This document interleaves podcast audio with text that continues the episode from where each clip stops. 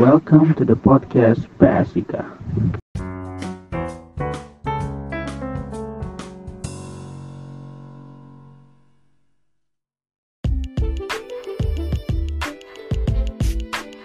Assalamualaikum warahmatullahi wabarakatuh. Selamat pagi, siang, sore, atau malam. Balik lagi dengan gua Haris di podcast HMPSIK. Sekarang kita udah masuk di episode ke-6 ya. Gimana nih kabarnya dari teman-teman? Semoga dalam keadaan sehat selalu ya. Kemarin tuh sering sama Hadi ya. Jarang sama gua lagi ya. Mohon maaf, lagi ada kesibukan-kesibukan. Jadi moderator kemarin aktif si Hadi aja. Oh ya, gue ada announcement juga nih. Sekarang kita kedapetan satu moderator baru. Moderatornya cewek lagi. Ya, jadi bakal ada dinamika ya dalam perpodcastannya. Seru nih. Nanti ditunggu ya. Nanti ditunggu launching moderator baru kita nih. Oke. Uh, malam ini gue mau bahas sebuah hal yang bakal dilakukan oleh kita ya. Uh, sebentar lagi nih ya, terutama buat anak-anak angkatan 2021 di Prodi S1 Keperawatan UPN Veteran Jakarta. Jadi kita bakal ngelakuin yang namanya praktik rumah sakit atau praktik lapangan. Nah di sini gue bakal bahas nih dari serba-serbi praktek lapangannya seperti apa, terus mungkin dari segi apa yang harus kita lakukan atau apa yang jangan kita lakukan gitu. Jadi ya bakal seru lah malam ini dan bagi-bagi atau sharing-sharing pengalaman juga gitu guys. Jadi didengerin sampai akhir ya, terutama buat anak 21 nih atau anak 2022 yang belum kedapetan praktek RS sebelumnya. Nah, mungkin malam ini gue pasti nggak sendiri lah ya. Kita ditemenin satu narasumber seperti biasa. Dan kali ini gue ditemenin sama satu kakak tingkat kita yang luar biasa banget ya. Sebenarnya kemarin udah jadi bintang tamu juga ya. Atau dari jadi narasumber kita di Hadi kemarin. Tapi malam ini kita undang lagi buat sharing-sharing pengalaman-pengalaman. Oke, mungkin langsung gue sambut aja. Di sini ada Bang Alfian. Halo Bang, gimana kabarnya Bang? Halo Riz, Alhamdulillah baik kabarnya. Alhamdulillah. Haris gimana kabarnya? Baik Bang, baik baik. Oke. Oke, mungkin uh, tanpa basa-basi lagi nih ya. Nah teman-teman, okay. teman-teman pasti udah pada nungguin juga ya, yang pada pendengar nih. Kita langsung masuk aja ke pertanyaan pertama. Oke Bang, uh, sesuai pembukaan tadi di awal, sebelumnya kita itu uh, sebelum kita praktik itu tentunya harus ada beberapa hal yang seharusnya dilakukan atau tidak dilakukan gitu. Nah ini gue mau nanya nih ke Bang Alfian, kira-kira bisa disebutkan dan dijelaskan nggak uh, apa aja yang boleh dilakukan saat praktik rumah sakit dan apa aja yang jangan dilakukan saat praktik rumah sakit? Gimana Bang? Oke oke oke. Jadi ini ngomongin soal persiapan praktek nih ya buat teman-teman tingkat satu tingkat dua berarti ya ya jadi um, praktek klinik ini menjadi salah satu momen menegangkan sekaligus yang dinanti sebenarnya kalau dalam masa keperawatan apalagi teman-teman yang baru masuk ke dalam dunia keperawatan pasti apa namanya um, pengen banget nih gitu kan oh udah belajar nih banyak di kelas kayak gitu kan kapan waktunya buat benar-benar tindakan di RS atau klinik kayak gitu kan. Nah tentunya mungkin kalau ditanya apa aja sih yang kira-kira boleh dilakukan saat praktek atau yang nggak boleh dilakukan saat praktek, ini tentunya berkaitan juga dengan proses bagaimana teman-teman nanti harus bisa beradaptasi dengan lingkungan di lapangan atau di lingkungan kerja kita nanti seperti apa kayak gitu kan. Salah satu yang mungkin abang mulai itu di poin yang boleh dilakukan dulu ya saat praktek buat teman-teman yang nanti ketika mau praktek klinik di rumah sakit atau di puskesmas atau tempat jenis lainnya. Yang pertama, yang boleh dilakukan saat praktik, yang pastinya teman-teman bisa banget ikut belajar bareng perawat-perawat yang ada di ruangan. Misalkan kita ditempatkan di ruangan A di salah satu rumah sakit di daerah Jakarta, kayak gitu kan ya. Nah, kita pasti akan diorientasi tuh di awalnya kayak gitu kan. Dan paling sering orang-orang rumah sakit itu pasti bilang, kalian kalau emang mau belajar ikutin aja seniornya atau kayak ikutin aja perawat yang ada di ruangannya kayak gitu kan. Kenapa biasanya emang diarahkan seperti itu? Karena yang kalian cari di rumah sakit ketika praktek klinik adalah kalian bisa tahu tugas dan tanggung jawab kalian itu seperti apa. Dan salah satunya adalah ngikutin nih keseharian mereka kayak gimana sih setiap harinya kayak gitu kan. Kayak misalkan contoh, kakaknya setiap operan shift itu kan pasti ada yang namanya operan kayak gitu kan ya kayak serah terima data pasien kayak gitu kan operan dinas kayak gitu terus kita di situ mulai dari nyata tuh kita nyatet-nyatet ngikutin kakaknya kita liatin apa aja sih yang dicatat sama si kakaknya? Kayak misalkan nama nomor kamedik tanggal lahir diagnosa riwayat dan lain sebagainya. Nah kan nanti kalian nanti bakal tahu apa aja yang memang menurut uh, kalian penting untuk dicatat kayak itu kan dalam proses operan tersebut. Nah habis itu pasti nanti kalian akan diajakin buat tindakan nih terutama buat teman-teman yang masih baru pasti bakal diajakin kayak untuk minimal minimal ya untuk teman-teman yang masih tingkat satu tingkat dua pasti bakal diajakin untuk TTV kayak gitu.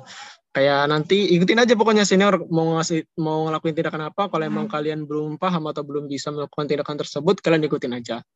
Gitu. Paling simpel sih buat teman-teman yang baru pasti bakal disuruh TTV kayak gitu kan baik dalam pendampingan ataupun enggak dalam pendampingan. Kayak gitu. Yang perlu diperhatikan adalah kalau kalian yakin dengan apa yang mau kalian lakukan, kalian lakukan secara mandiri.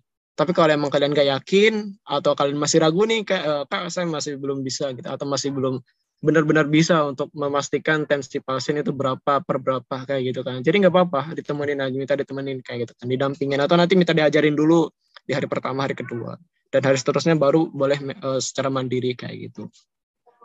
Nah, selain lihat senior, terus di situ pas eh selain ngikutin ya mohon maaf, selain ngikutin uh, senior atau perawat di ruangan, nanti teman-teman juga bisa banget untuk liatin tindakan-tindakan tertentu. Kayak misalkan di tingkat satu, tingkat dua, tergantung kalian ya nanti penempatannya di ruangan apa. Misalkan nanti kalian dapat di ruangan penyakit dalam, gitu kan. Kadang ada aja ya tindakan-tindakan yang bisa jadi belum kalian pelajarin, tapi kalian tahu. Kayak misalkan apa? Pasang kateter, pasang NGT, kayak gitu. Nah, tindakan-tindakan kayak gitu kan mungkin bisa dibilang jarang ya, bisa dibilang jarang. Makanya ini yang jadi poin menarik sih, karena kan ketika kalian praktik nanti bakal dikasih buku target ya. Nah, buku target itu yang nanti jadi patokan kalian, kira-kira kalian udah belajar poin tersebut atau enggak, kayak gitu kan. Tapi kalaupun di buku target kalian enggak ada, ya kalian ikutin aja, selagi memang itu dalam bidang keperawatan, kayak gitu kan. Nah, makanya ketika nanti misalkan dia ada pasang kateter itu atau pasang infus gitu kan pasti itu bakal jadi kegiatan menarik sih. Dan jadi rebutan kamu ikut kah kamu ikut kah kayak gitu kan. Yang penting sih teman-teman poin intinya adalah teman-teman harus memegang prinsip komunikasi yang baik di saat menjalankan praktik klinik kalau mau ngapain kalian komunikasi? Misalkan mau ikut tindakan kak kita mau ikut ya kayak gitu kan. Boleh atau enggak? kayak gitu. Kalau emang nggak boleh nggak apa-apa nggak boleh. Mungkin ada tindakan ada poin-poin tertentu yang belum perlu kalian ketahuin kayak gitu. Atau kalau misalkan boleh tapi lebih seringnya sih boleh sih. Kayak minimal ngelihat buat ngelihat itu nggak apa-apa kayak gitu. Terus selain tadi kan kayak ngikutin tindakan-tindakan keperawatan kayak gitu kan. Kalian juga bisa loh buat ngeliatin status-status pasien. Entah itu di di komputer ataupun di status yang masih berupa tulisan kan tergantung dari uh, rumah sakitnya ya dia udah pakai uh, sistemnya seperti apa. Kayak gitu. Karena kalian boleh banget lihat status pasien. Kan nanti kita bakal dikasih tugas untuk membuat askep ya. Dan nanti pasti kalian kita uh, pasti kita bakal butuh yang namanya data pasien. Data pasien ini kan e, bisa kita dapetin dari hasil anamnesa kita langsung ke pasien kayak gitu. Nah, kita juga bisa buat nanya langsung ke pasien, buat ngedatangin, kita tanya jawab wawancara seperti itu, kayak gitu kan. Terus kalau kalian butuh data pelengkap lainnya, kayak misalkan hasil lab dan lain sebagainya, kan pasti nggak ada di pasien kan, adanya di status. Nah, kalian boleh banget izin aja ke um, perawat ruangannya, kayak itu. Kak, saya izin ya buat lihat status pasien entah itu di komputer atau nanti di buku-buku kayak gitu kayak gitu kalian juga boleh lihat tapi um, ini berkaitan juga ya sama yang nggak bolehnya juga yang nggak boleh kalian dilakukan di ruangan adalah jangan pernah melakukan segala macam tindakan secara mandiri tanpa diketahui oleh perawat ruangan ya karena konteksnya nanti kalian itu masih mahasiswa baru di tingkat 1-2 ketika praktik klinik di lapangan kan um, bisa dibilang ya masih dasar lah kayak gitu. Jadi apa pun yang kalian mau lakukan kepada pasien, kalau dikira kalian ragu, kalian minta temenin kayak gitu.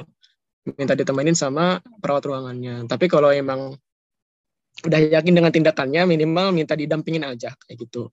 Terus jangan pernah memberikan informasi kepada pasien yang sebenarnya kalian nggak tahu. Kadang gini ya teman-teman, kita di ruangan itu bisa aja di, anggap sebagai perawat beneran kayak gitu kan walaupun mereka mungkin belum tahu kalau kita mahasiswa Makanya ketika ditanya kapan pasien pulang, oh kapan pasien ini pulang ya gitu kan, atau apa sih diagnosa pasien ini kayak gitu kan. Nah di situ poin pentingnya lagi adalah kalian jangan pernah menjawab secara langsung kalau misalnya kalian belum tahu. Ya, kadang ada beberapa diagnosa yang memang tidak boleh diberitahukan kepada pasien. Ada juga beberapa kondisi-kondisi tertentu yang sebenarnya nggak boleh diberitahukan kepada keluarga pasien. Nah, makanya teman-teman di tingkat satu, tingkat dua kan udah melewati yang namanya konsep dasar keperawatan kayak gitu. Nah, di sini konsep dasar keperawatan ini memang sangat penting kayak misalkan kalian belajar tentang legal etik, kalian belajar tentang perawat peran perawat itu seperti apa kayak gitu. Terus kalian belajar juga ketika di rumah sakit kalian belajar juga ketika di rumah sakit apa sih yang memang perlu kalian lakukan gitu kan sebagai uh, tugas pokok kalian di rumah sakit kayak gitu. Nah, itu yang juga nggak boleh kalian uh, lakukan ya. Jadi kalian ngasih tahu informasi sembarangan yang sebenarnya memang bukan hak pemenang kalian gitu kan. Bisa jadi itu hak pemenang dokter yang memberitahukan kepada si pasien. Terus selanjutnya kayak misalkan teman teman-teman itu kan biasanya ya biasanya ada beberapa instansi rumah sakit yang memang membolehkan untuk kita foto status makanya penting banget kalian itu melakukan komunikasi ketika di ruangan kayak gitu kayak izin minimal izin untuk melakukan segala macam tindakan itu minimal kalian komunikasi untuk minta izin dan lain sebagainya. Nah, kadang kan emang ada dibolehin. Paling sering sih dibolehin ya kita foto status baik itu di komputer atau di buku. Nah, poin pentingnya adalah ketika kalian udah dapat foto status tersebut, jangan pernah kalian sebarluaskan atau kayak share ke uh, Instagram, sosmed lainnya kayak gitu kan. Karena memang bisa dibilang ya uh, mohon maaf kebiasaan mahasiswa baru. Dan memang waktu itu dialami juga sama saya dan teman-teman di angkatan ketika masih baru adalah senang untuk mempublikasikan apa yang sedang kita lakukan. Karena memang dikira hal baru kayak gitu kan. Dan wah baru nih gitu kan. Kayaknya kalau di sharing uh, bagus juga. Apalagi buat jadi laporan ke orang tua nih kita lagi praktik di rumah sakit segala macamnya kayak gitu. Kayak kita sharing share share ini oh ternyata penyakit pasien gini gini gini ya riwayatnya segala macam kayak gitu kan padahal yang kita publikasi adalah uh, statusnya pasien dan itu adalah hal yang sangat dilarang untuk dilakukan baik status pasien atau segala macam aktivitas kita di rumah sakit yang memang berkaitan dengan aktivitas uh, pribadi atau tugas perawat ketika lagi tindakan, ketika lagi tensi dan lain sebagainya. Yang di dalamnya sana itu tidak ada tujuan untuk edukasi, tidak ada tujuan khusus yang memang diperbolehkan. Itu nggak boleh kita lakukan kayak gitu kan. Karena ada ya, saya mungkin bisa share beberapa kasus kayak ketika ada satu tindakan, ada orang iseng kayak gitu kan, foto dan lain sebagainya, terus dipublikasikan kayak gitu kan, terus dan akhirnya dipanggil kan. Nah itu contoh yang sebenarnya tidak boleh dilakukan untuk teman-teman di uh, tingkat satu atau tingkat dua dan seterusnya kayak gitu. Karena nanti kalau kalian masuk di rumah sakit pasti sering kalian lihat yang namanya kamera di silang yang artinya tidak boleh ada publikasi atau dokumentasi sembarangan tanpa adanya tujuan yang jelas atau tujuan yang memang diperbolehkan oleh rumah sakit itu sendiri gitu ya. Karena memang berkaitan dengan aktivitas rumah sakit itu nggak boleh dipublikasikan sembarangan kayak gitu. Kayak gitu ya teman-teman. Terus mungkin selain tadi uh, publikasi dan lain sebagainya Uh, pokoknya berkas-berkas rahasia kayak status pasien, terus kayak lingkungan pasien yang memang tidak boleh di upload kayak misalkan um, apa namanya ya, kayak misalkan aktivitas keluarga pasien, misalkan ketika kita ngelihat, wah oh, keluarga pasien ternyata begini ya, terus kita publikasi dan lain sebagainya itu nggak boleh juga. Pokoknya segala macam tindakan di segala macam aktivitas di rumah sakit yang sekiranya itu melanggar ketentuan yang memang diberikan atau dalam konteks undang-undang yang ada di rumah sakit itu kita nggak boleh lakukan. Dan kita itu wajib belajar juga. Minimal kita tahu apa aja yang nggak boleh. Kayak misalkan foto pasien nggak boleh. Ketika lagi tindakan tanpa izin itu nggak boleh uh, minimal kalau foto buat tindakan atau kayak video conference itu boleh selagi masih ada izin dari keluarganya ya teman-teman. Kadang memang ada beberapa ujian yang berupa online kayak gitu. Atau kayak kita anamnesa langsung kepada pasien itu kalau emang ada izin dari pihak rumah sakit dan keluarga pasien itu itu kayak nggak apa-apa. Makanya penting buat komunikasi dan tidak sembarangan asal publikasi kayak gitu. Gitu sih paling harus ya. Jadi beberapa poin yang memang menjadi patokan buat teman-teman nih sebelum praktek klinik kayak gitu kan. Apa aja yang boleh nggak boleh dilakukan kayak gitu. Oke bang. Ini uh, yang bisa gue simpulin ya mungkin yang pertama kita dari yang boleh. Sebenarnya bukan boleh sih. Yang harus kita lakukan ya sebenarnya ya. Pertama tuh rajin observasi. Jadi uh, setiap dari tindakan yang perawat lakukan, maksudnya perawat yang asli lakukan ya, itu kita boleh banget buat observasi, ngelihat apa yang mereka lakukan dan uh, mungkin bisa sambil menelaah nih perbedaan apa yang diajarin di kampus dan apa yang Betul. dilakukan sebenarnya di rumah sakit. Betul betul betul banget. Oke. Terus yang kedua tuh eh, kita harus belajar langsung nih dari perawatnya. Dalam artian jangan cuman diem di ruangan aja gitu kalau lagi nggak ada tindakan. Mungkin bisa ikut perawat yang lagi mau ke mana gitu, diikutin aja. Nanti dari hasil tindakan perawat tersebut kita bisa belajar langsung nih. Mungkin dari tindakan invasif seperti apa dan lain sebagainya. Jadi harus ngikutin terus lah. Jadi jangan sampai gabut-gabut di ruangan aja gitu. Terus yang ketiga harus berani belajar tindakan. Jadi jangan cuma observasi doang, terkadang kita harus berani buat ngasih tindakan ke pasien juga nih dengan satu syarat harus didampingin sama perawatnya. Jadi jangan sampai kita bertindak sendiri. Nah, ini berhubungan juga sama yang nggak boleh kita lakukan. Tadi ya yang pertama jangan bertindak sendiri. Terus yang kedua jangan share informasi yang kita tidak tahu.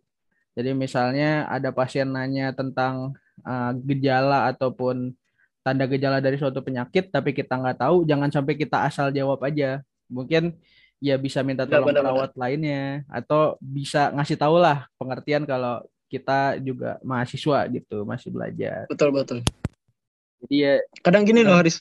gimana tuh bang? Kadang gini juga. Kalau kita ditanya sama pasien, sering-sering sih bakal sering ditanya. Ketika kita ditanya, Pak ini kenapa ya pasien segala macam bla bla bla. Ya terus ada juga yang sering nanyain diagnosa dan sebagainya kayak gitu kan. Kalau memang sekiranya kita tahu soal alur penyakitnya, tapi teman-teman kayaknya belum belajar tentang patofisiologi penyakit ya, yang anatomi fisiologi kayak gitu ya. Nah, tapi kalau emang teman-teman ada yang udah belajar dan tahu, teman-teman cukup kasih tahu ya apa yang memang teman-teman tahu dan sesuai ya, benar-benar sesuai. Kadang itu menjadi nilai plus juga biasanya ketika ditanya, oh teman uh, ada mahasiswa mana kayak gitu kan, semacam bla bla bla bla. Ketika dia udah enak sama kita dan trust sama kita, gitu kan. Kadang memang bakal sering nanya, tapi jangan terlalu kepedean ya jawab informasi yang memang sebenarnya kita belum tahu kayak itu tapi kalau emang ditanya tentang poin-poin yang udah kita pelajarin ketika di aspek perkuliahan kayak gitu. Itu nggak apa-apa jawab aja. Tapi kalau emang nggak tahu mendingan jangan jawab. Kalau misalkan ditanya gejalanya segala macam bla bla bla bla bla padahal gitu tapi ternyata sebenarnya nggak bener loh kayak gitu gitu. Itu justru akan uh, jadi penanda juga jadi nilai negatif lah gitu kan. Bukan nilai negatif juga sih, mungkin kayak kurang trustnya aja. Oh ternyata mahasiswanya masih belum tahu. Gitu. Dan penting juga buat kalian orientasi itu perkenalan dulu kak kita masih mahasiswa gini bla bla bla bla bla kayak gitu. Gitu aja sih. Buat ngambil aman sama untuk menghindarin mispersepsi di masyarakat kayak gitu. Ketika kita ditanya penyakit A, penyakit kita jawabnya gejala penyakit B kan gak lucu juga. Kayak iya. Istilahnya nge-share hoax lah ya.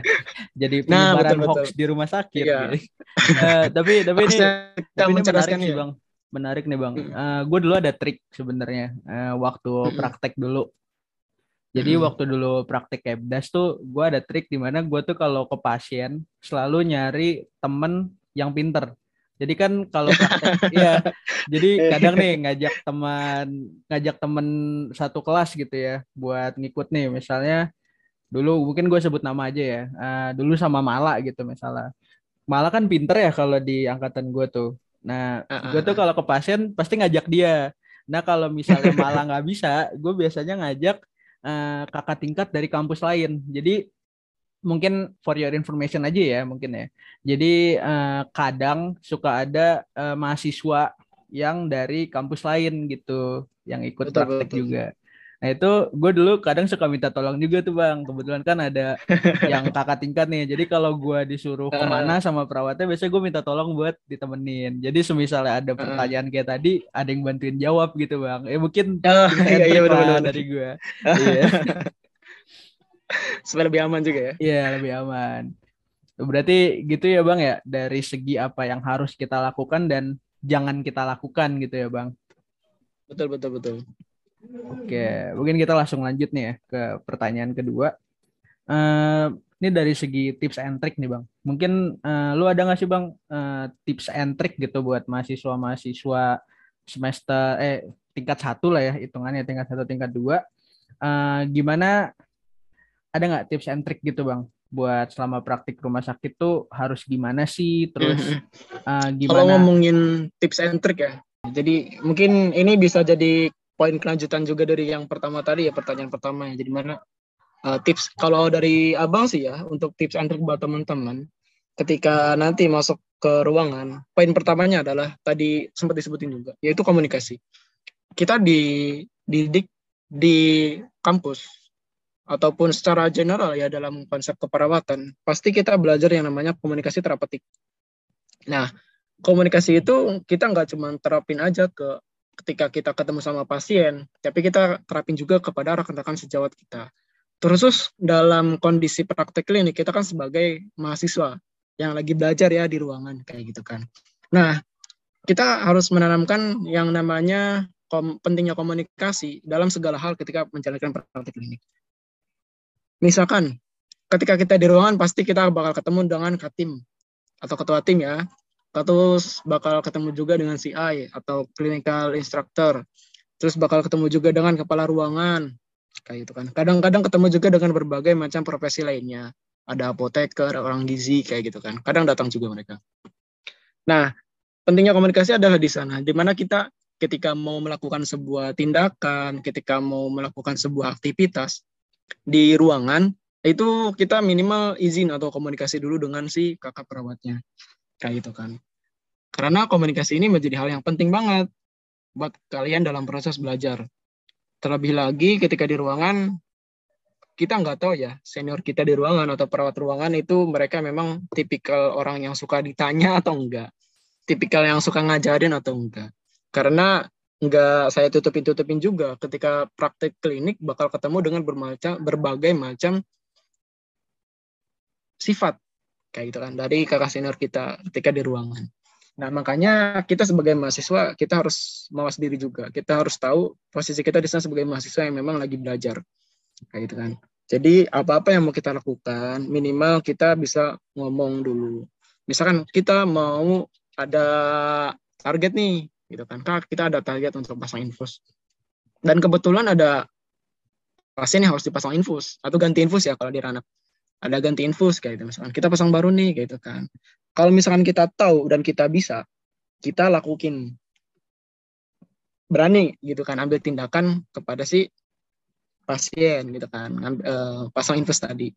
Nah minimal kita juga komunikasi ke kakaknya untuk minta ditemenin kayak gitu kan supaya apa? Ketika nanti kita ada hal-hal yang memang tidak diinginkan kayak misalkan kita kita pasang infus nggak kena kena nih gitu kan. Udah beberapa kali nggak kena kayak gitu kan. Kan bisa di backup sama si kakaknya.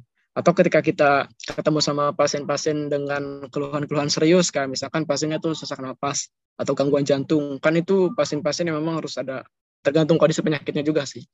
Kalau emang ketemu sama kondisi penyakit yang memang terminal kayak gitu itu kita harus bisa lebih waspada waspada untuk memerhatikan kondisi pasien, waspada juga dalam setiap tindakan yang kita lakukan. Gitu. Kayak kadang misalkan kayak ketika misalnya ketika pasien stroke kan nggak boleh kita apa ngambil darah atau kayak tensi di bagian yang memang ekstremitasnya lemah kayak gitu kan.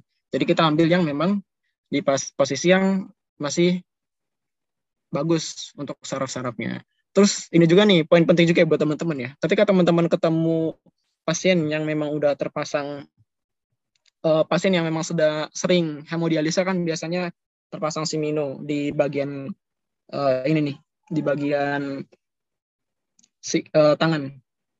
Nah biasanya itu tuh ada yang menonjol besar atau kalau kalian nggak tahu itu kalian ya pokoknya gini komunikasi penting dilakukan dalam segala hal. Ketika kalian menemukan sesuatu yang kalian nggak tahu, kalian tanya ini pengalaman saya juga ketika menemu pasien yang memang tadi itu dia sering hemodialisa, ternyata dia terpasang simeno kayak gitu kan. Jadi kan kayak untuk bagian yang memang untuk dipasang tusukan ini loh, untuk cuci darah kayak gitu. Jadi memang rutinnya di sana. Dan memang ketika saya lihat itu gede banget kan. Kata saya itu kenapa kak? Itu, itu dia pasang alat dalamnya enggak kayak gitu kan.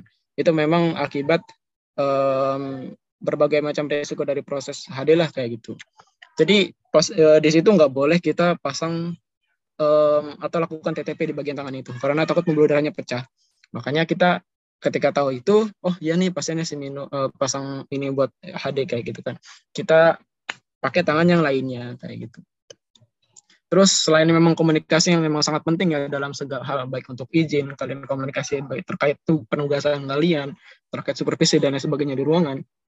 Tips yang bisa abang kasih lagi yaitu tanamkan mindset selalu ingin tahu. Ya, tanamkan selalu mindset belajar ketika praktik klinik juga. Karena ketika praktik klinik kan kalian nggak kayak praktik di waktu di kampus ya. Karena auranya beda, situasinya beda, kalian bakal merasakan langsung kondisi ketika lingkungan kerja kalian itu seperti apa.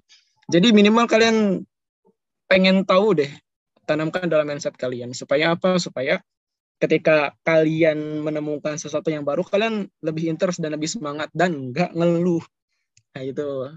Ini uh, abang nggak ini juga ya, apa sih nggak menutup realita juga bahwa kadang mahasiswa keperawatan itu banyak juga yang mengeluh. Bukan cuma karena tugas, tapi karena memang capek juga dengan lingkungan kerja di keperawatan. Kayak gitu kan. Kayak gitu. Makanya menanamkan mindset untuk ingin terus belajar penting banget. Supaya kita termotivasi buat terus mau belajar hal-hal baru. Dan bukan melepaskan hal-hal yang emang udah kita tahu ya. Kadang ketika mahasiswa udah tahu tindakan A, dia malah nggak mau melakukan tindakan tersebut lagi. Kayak misalkan TTV, TTV kan setiap operan dinas pasti kalian bakal ngelakuin TTV ke semua pasien. Karena memang itu dilakukan setiap hari, kadang ada mahasiswa yang kayak, ah lu aja deh yang TTV kayak gitu kan. Gue mau males gitu, udah gue udah bisa gitu. Ini pernah loh ketemu abang kasus kayak gini. Tapi abang pernah nemu kasus kayak gini. Jadi kayak temannya cerita bang, teman gue kok nggak mau ini ya kayak gimana ya bang ngasih taunya kayak gitu kan. Ya kayak gitu. Jadi kayak dia nggak mau ngelakuin tindakan karena memang dia bilang kan gue udah tahu tindakan ini dan gue nggak mau ngelakuin itu lagi kayak gitu kan. Kayak capek kayak misalnya segala macam kayak gitu. Jadi ah, itu sebuah persepsi yang salah menurut kita sebagai mahasiswa nggak boleh menyombongkan diri dengan apa yang kita tahu. Justru yang udah kita tahu kita tajamin lagi agar bisa menjadi sebuah skill yang memang udah jadi skill yang mahir lah buat diri kita juga gitu. Buat jadi modal kita juga ketika nanti mau masuk kerja kalian udah bisa oh saya bisa ini bla bla bla bla bla. Dibilang mahir atau enggak mahir kayak gitu kan. Jadi jangan pernah uh, menyembuhkan diri dengan apa yang udah kita bisa. Kadang ketika kita udah bisa dan kita nggak jarang kita lakuin itu malah jadi tumpul dan malah kita nggak tahu juga. Kayak gini deh semua tindakan keperawatan itu merupakan sebuah skill. Semakin banyak kita melakukan tindakan tersebut semakin jago juga kita, semakin mahir kita dalam tindakan tersebut. Dan begitu pun pula ketika kita nggak melakukan tindakan itu lagi, lama kelamaan akan semakin tumpul. Jadi kita bakal lupa lupa lupa dan justru malah nggak ahli lagi. Kayak gitu. Makanya yang namanya skill itu harus terus diasah. Jangan-jangan menyembuhkan diri dengan apa yang kita tahu gitu. Justru kita harus bisa sharing dong dengan teman-teman yang lainnya karena dalam posisi kita dalam proses sama-sama belajar. Kayak gitu.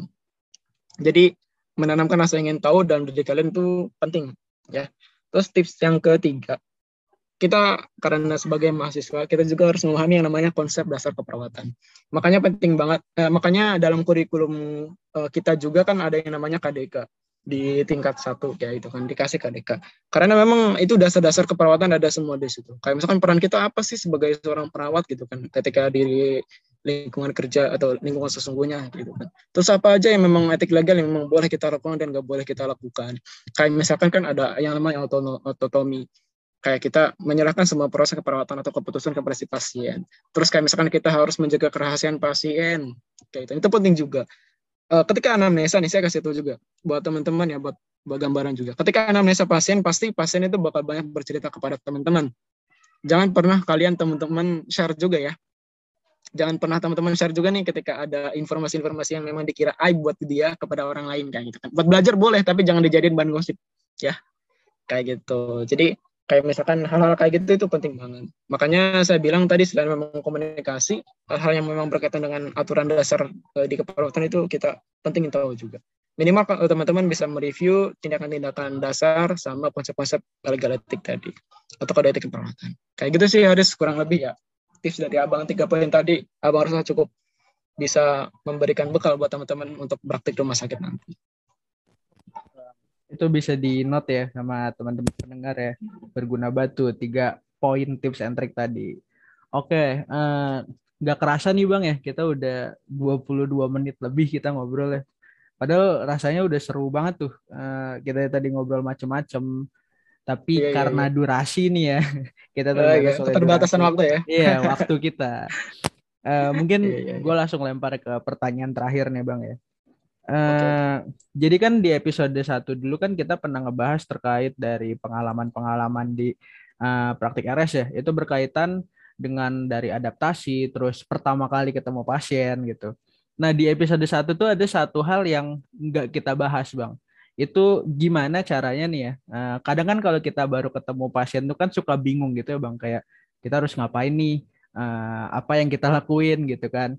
Nah itu ada nggak sih bang eh, tips and trick lagi gitu ya? Eh, gimana caranya kita Hmm, bisa berinteraksi dengan pasien dan bisa mendapatkan apa ya sambutan disambut sambutan baik, baik, gitu ya. gitu? Iya gitu bang. Hmm. Gimana tuh bang? Oke oke oke oke. Ini eh, poin menarik juga nih ya untuk dibahas. Jadi yang benar ya teman-teman, kita perlu tahu juga apa yang mau kita lakukan ketika bertemu sama pasien. Jangan sampai ketika masuk ke ruangan kita celana selungup gitu kan. Apalagi kita masuk di pasien yang memang kayak kelas 1 2 3 kan beda-beda kayak gitu. Kita harus tahu juga apa yang memang perlu kita lakukan di setiap em, apa namanya ruangan tersebut kayak gitu kan. Kayak misalkan oh di ruangannya rame kita harus ngapain atau di ruangannya ada cuma ada satu pasien gitu. Kita harus ngapain kayak gitu kan. Dan intinya adalah gini teman-teman ketika kita masuk ke ruangan bertemu pasien, hal pertama yang perlu kita catat adalah kita harus tahu mau ngapain. Kayak gitu. Jangan sampai kita masuk ke ruangan kita nggak tahu apa-apa. Atau kayak karena kita nggak tahu apa-apa tadi, ketika masuk ke ruangan kita cuma ngeliatin pasien kayak gitu kan. Kadang itu jadi sesuatu hal yang memang em, apa ya melatih mental sebenarnya. Kayak ketika kita masuk kita nggak jadi mau ngapa-ngapain akhirnya balik lagi. Akhirnya apa diomongin sama perawatnya eh, bukan perawat sih sama keluarga atau sama pasien itu perawatnya kenapa kayak gitu kan. Kadang ada juga loh keluarga pasien bukan cuma memberikan nilai eh, penilaian positif ya ada juga yang kadang memberikan penilaian negatif. Kayak gitu kan ketika oh kok kenapa sih perawatnya gini gini gini gini? Kayak gitu kan. Kadang ya stigma stigma kayak itu yang masih sering muncul sebenarnya gitu kan di lingkungan masyarakat kita terkhususnya di wilayah Indonesia kayak gitu kan. Jadi em, kita minimal pertama tahu dulu kita mau ngapain. Supaya ketika kita masuk ruangan kita nggak bertele-tele dan langsung kepada apa yang mau kita tuju. Kayak gitu kan. Kemudian yang kedua usahakan menggunakan komunikasi terapeutik yang bagus. Akan dalam tahapan proses interaksi itu ada empat eh, empat tahapan ya kalau nggak salah.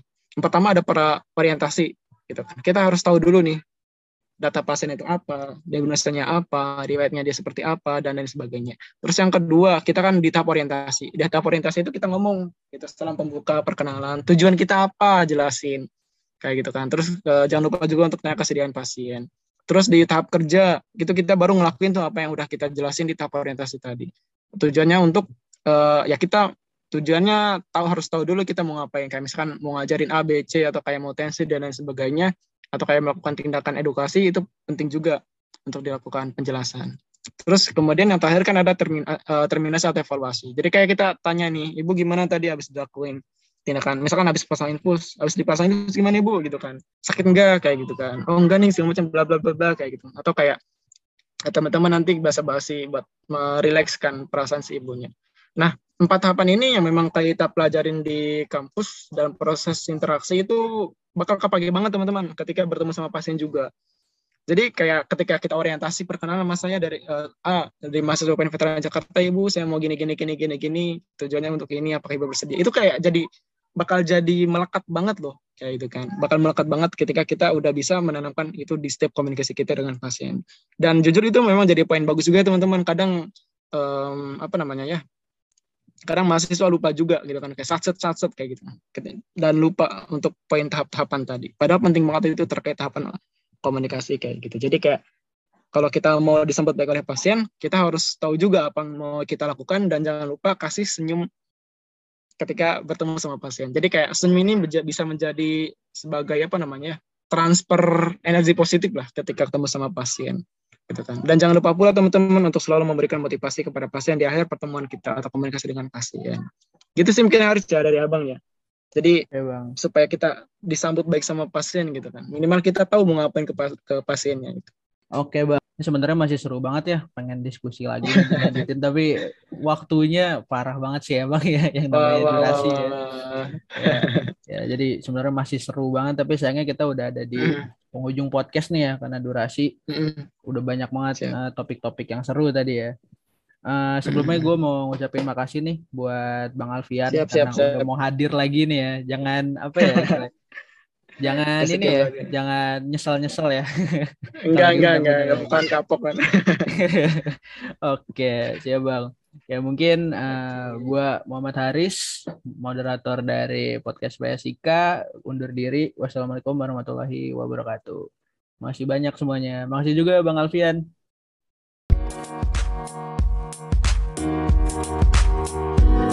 Manifest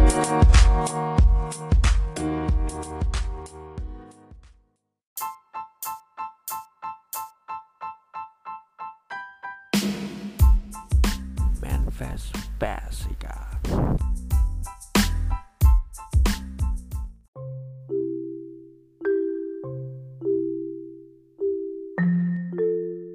Oke, halo teman-teman. Selamat pagi, siang, sore, atau malam.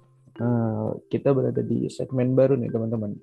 Namanya adalah Manifest. Jadi nanti eh, kita bakal bacain manifest-manifest yang masuk ke IG-nya HMPSIK ya. Sekarang ini udah lumayan banyak banget ya.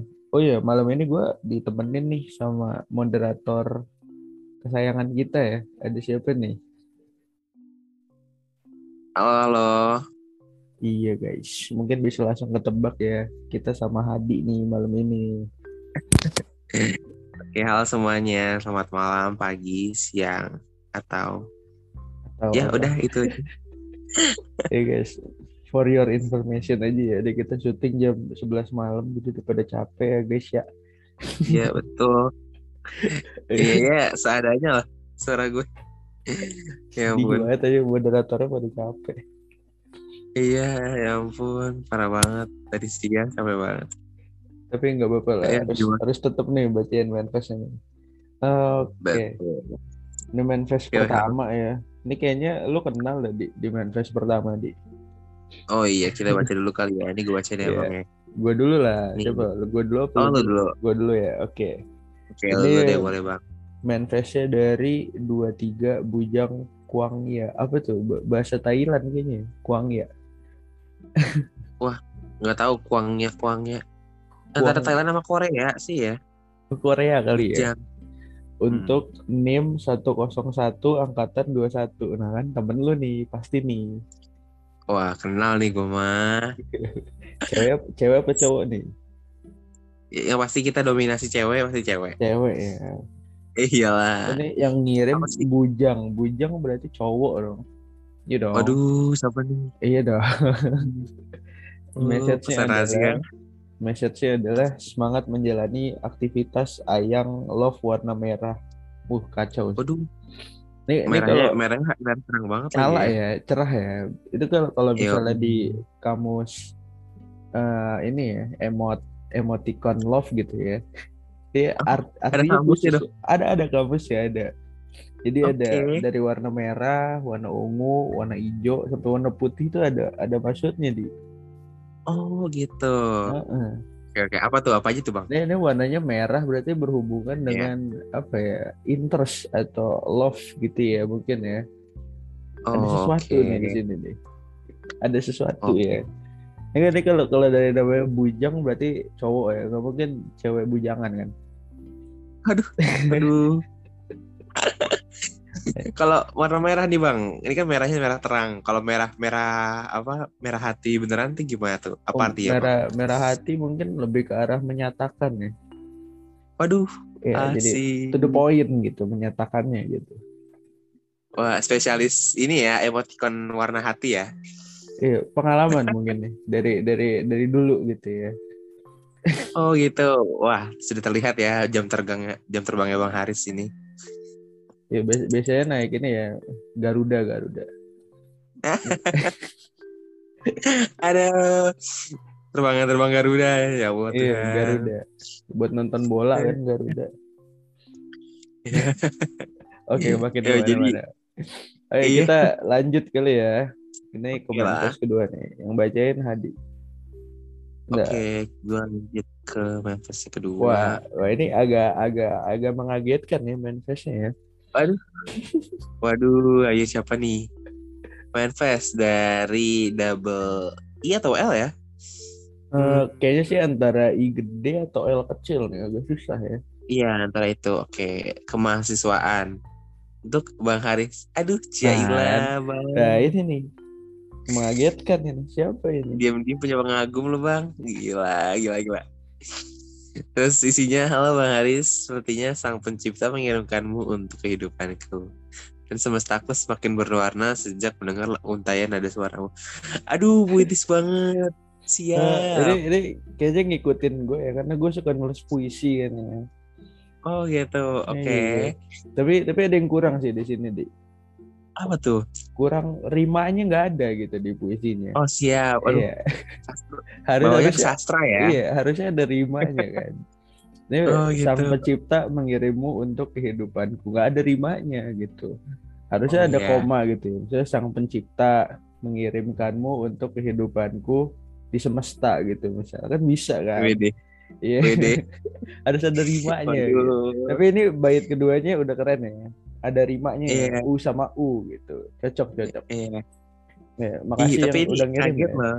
Ih kaget sih Gila. siapa ya? Masalahnya Oh my God. kelu- cluenya susah nih ya antara ini huruf I atau L gitu. Agak susah gitu emang. Wah, adakah nih coba satu-satu dulu deh. Kita dari double I. Ada nggak nih bang? Ada lah ya. Siapa ya? Terus, Nggak tahu gua. oh, oke, oke, double I, double L. Ya siapa pun yang di sana, ini orangnya sudah mendengarkan dan Ini sudah la- langsung langsung PC aja ya harusnya ya. Iya. Gak usah manifest Iya. manifest lah ya. Ke poin aja udah. kalau nggak bisa PC boleh DM IG ya kan Oh, Oke di deh. bawah ini DM IG. Oke oke. Aku makin lantur ya lama-lama ya. Oke lanjut yang ketiga bang. Ja- Jam 11 malam guys, maklum maklum. Oke, ini lanjut yang ketiga dari Wah ini panggilan banyak orang ya. Ada Ai, itu biasanya Ai artinya banyak ya. Bisa Wah ke siapa nih Ai? ya, ba- banyak kan artinya ya. Bisa Ai, bisa Ai. Banyak artinya lah ya. Eh message ini buat anak kelas A semester 4. Uh, Message-nya siapa tuh? jangan Angkatan risau lagi ya. Oh ya, angkat tangan ya agak berat ya. Jadi message-nya Oke. itu jangan risau lagi ya. Bulan Juni gue janji kita bakal ke perpusnas lihat pameran bareng.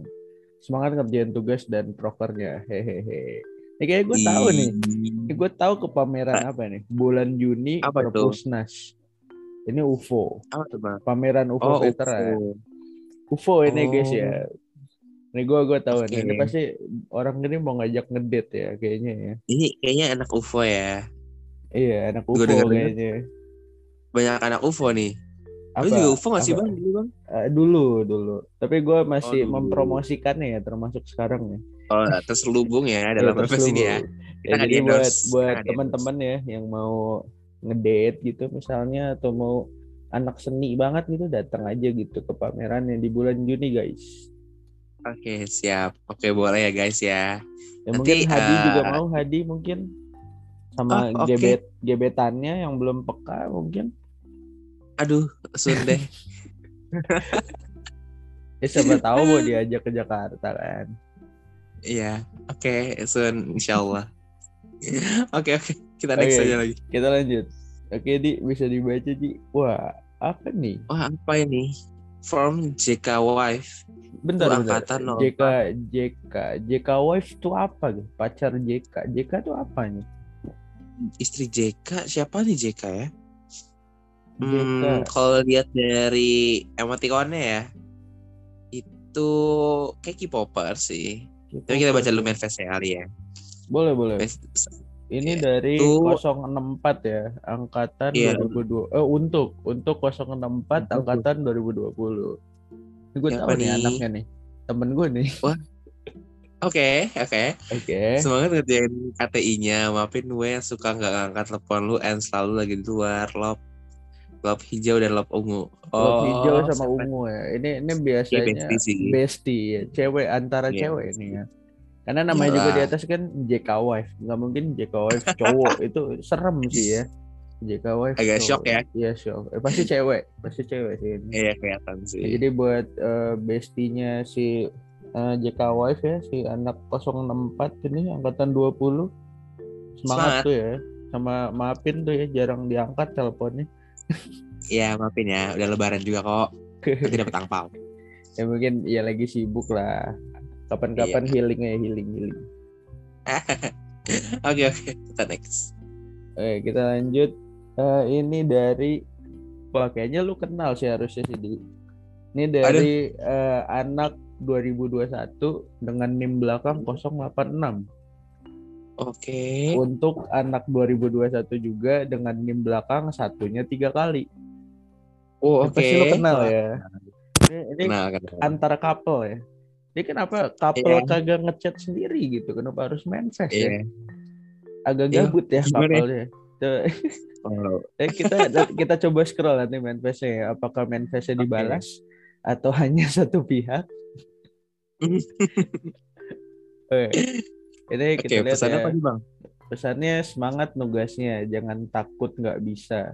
Jika kita punya kendala, maka Allah punya kendali. Asal mau mendekati Allah, pasti kasih solusi. Anak rohis banget ya. Oh iya, ketahuan ya. An- anaknya rohis banget ya. Iya.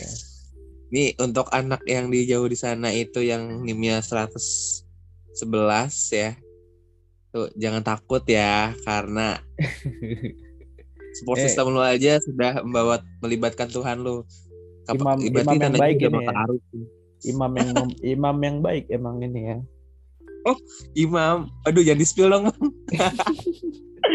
Ketahuan lo nanti. Oke oke, Ya. kita lanjut ya. Oke. Waduh, dibabat lagi nih sama temen lu nih. Temen lu gimana sih? Di banyak banget yang dibabat. Nggak tahu deh bang. Emang anaknya relasinya banyak ya. Eh, berat ya emang ya. Iya berat. Bisa dibaca mungkin tadi. Oke, dari tadi sama ya, angkatan 21 dengan di belakang 086 ke angkatan lu nih, Bang. Angkatan, Angkatan gue ya, 20 oh dengan gue tahu nih. Ini buat kadifnya gitu. ini mah. Walah. Buat kadifnya di HMPSIK ini. Oh, yang Support pasti yang udah tahu kadifnya mungkin Anggota ya, super sistemnya ya. Wih, beda dari yang lain ya. Beda ya emang ya. Apa nih? Semangat kakak, semoga cepat-cepat ketemu partner nugas deh. Kasihan lihatnya mana masih muda. Ih ya Allah. wah, parah banget emang.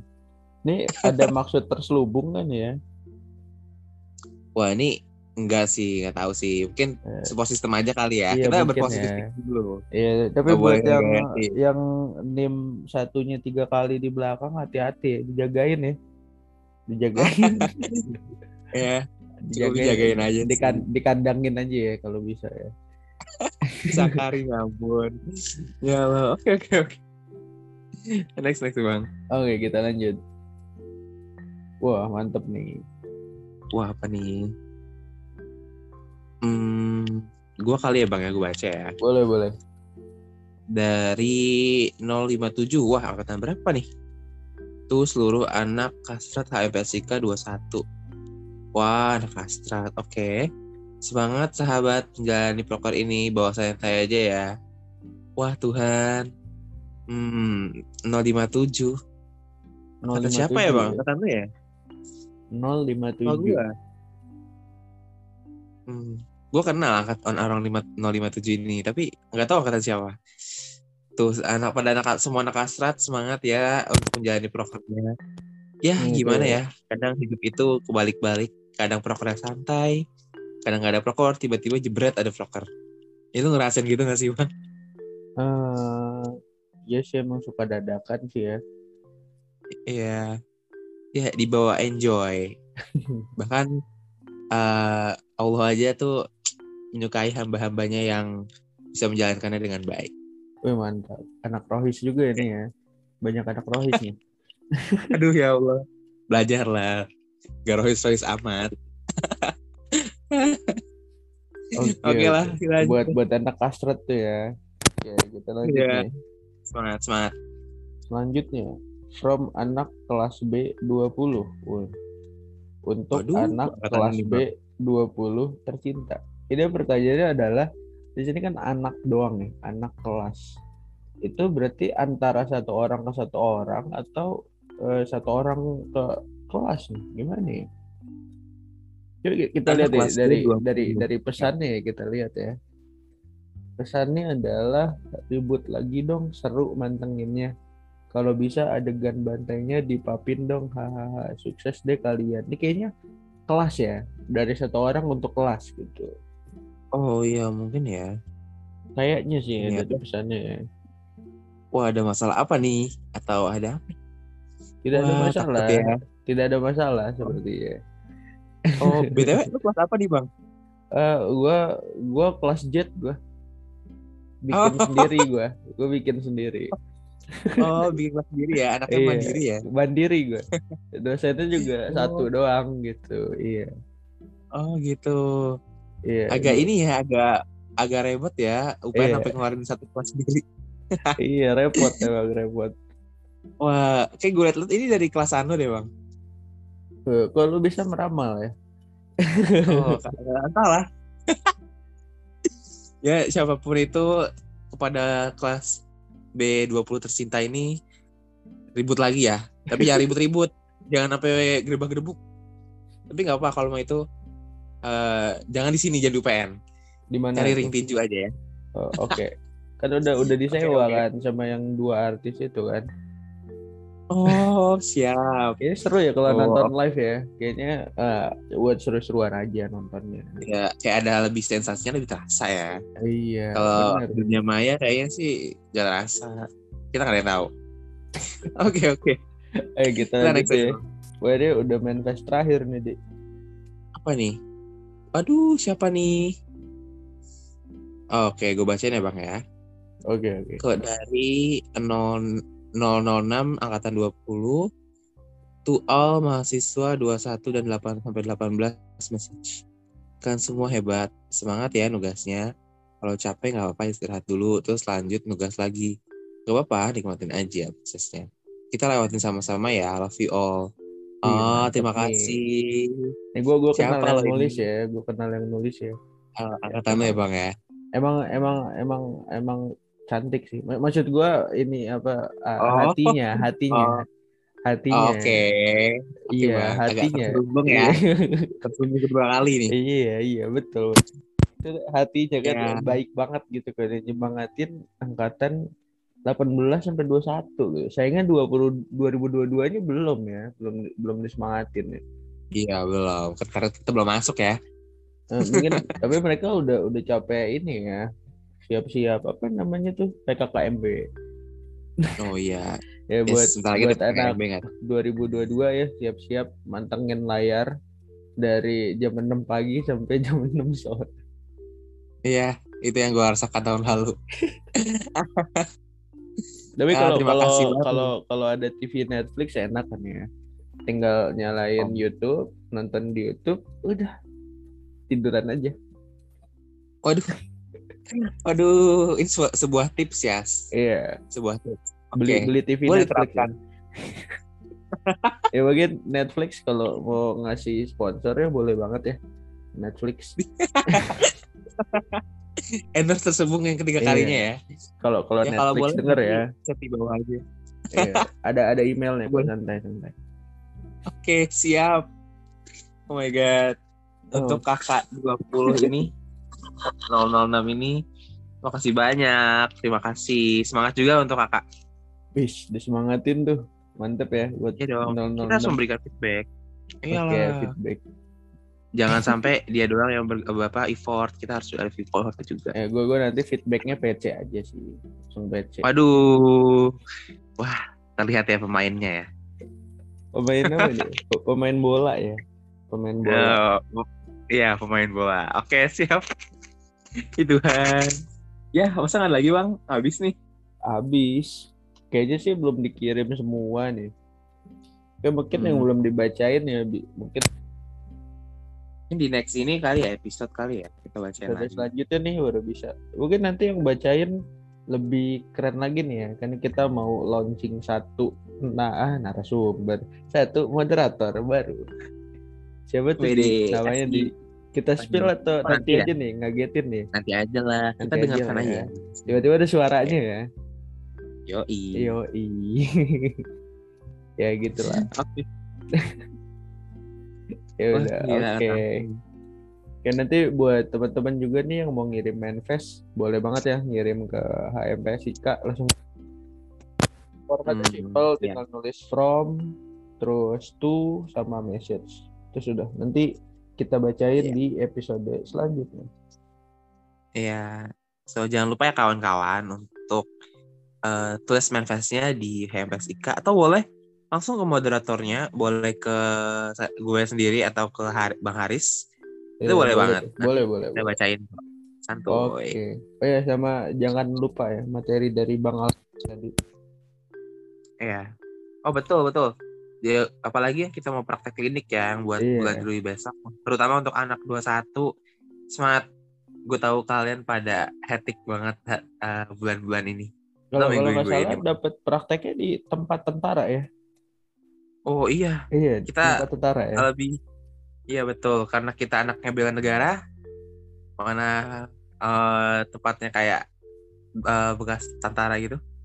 Wah, makin menjadi-jadi jiwa bela negara. Salam bela negara.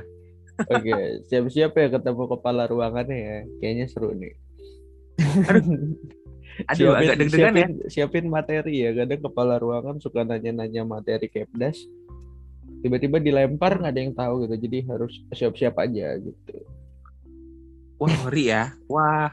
Wah, terima kasih sarannya, Bang. Terima kasih. Iya, ini ini saran ini cuma bisa didengar yang denger sampai akhir podcast aja ya. Karena ada di ujung ya, penghujung udah di ya. ujung, udah di ujung banget gitu. Ya udah, oke di kita tutup aja kali ya. Oke, siap dah. Oke, terima kasih ya eh, semuanya yang telah mendengarkan podcast episode kali ini. Eh, emang sih kita banyak sekali kekurangannya. So, eh, eh, gue sendiri eh, Hadi dan Bang Aris eh, minta maaf jika ada salah kata ataupun perbuatan yang eh, selama podcast ini berlangsung. Eh, mungkin ada tambahan kali, Bang? Eh, nggak ada sih. Oh, oke. Siap, siap, siap. Udah lelah ya, ada jam wah tengah malam. Ya, sudah Oke. tengah malam ya gitu ya. Iya. Ya, so terima kasih sudah mau mendengarkan podcast ini. Sampai jumpa di podcast episode selanjutnya. Bye bye. Dadah guys.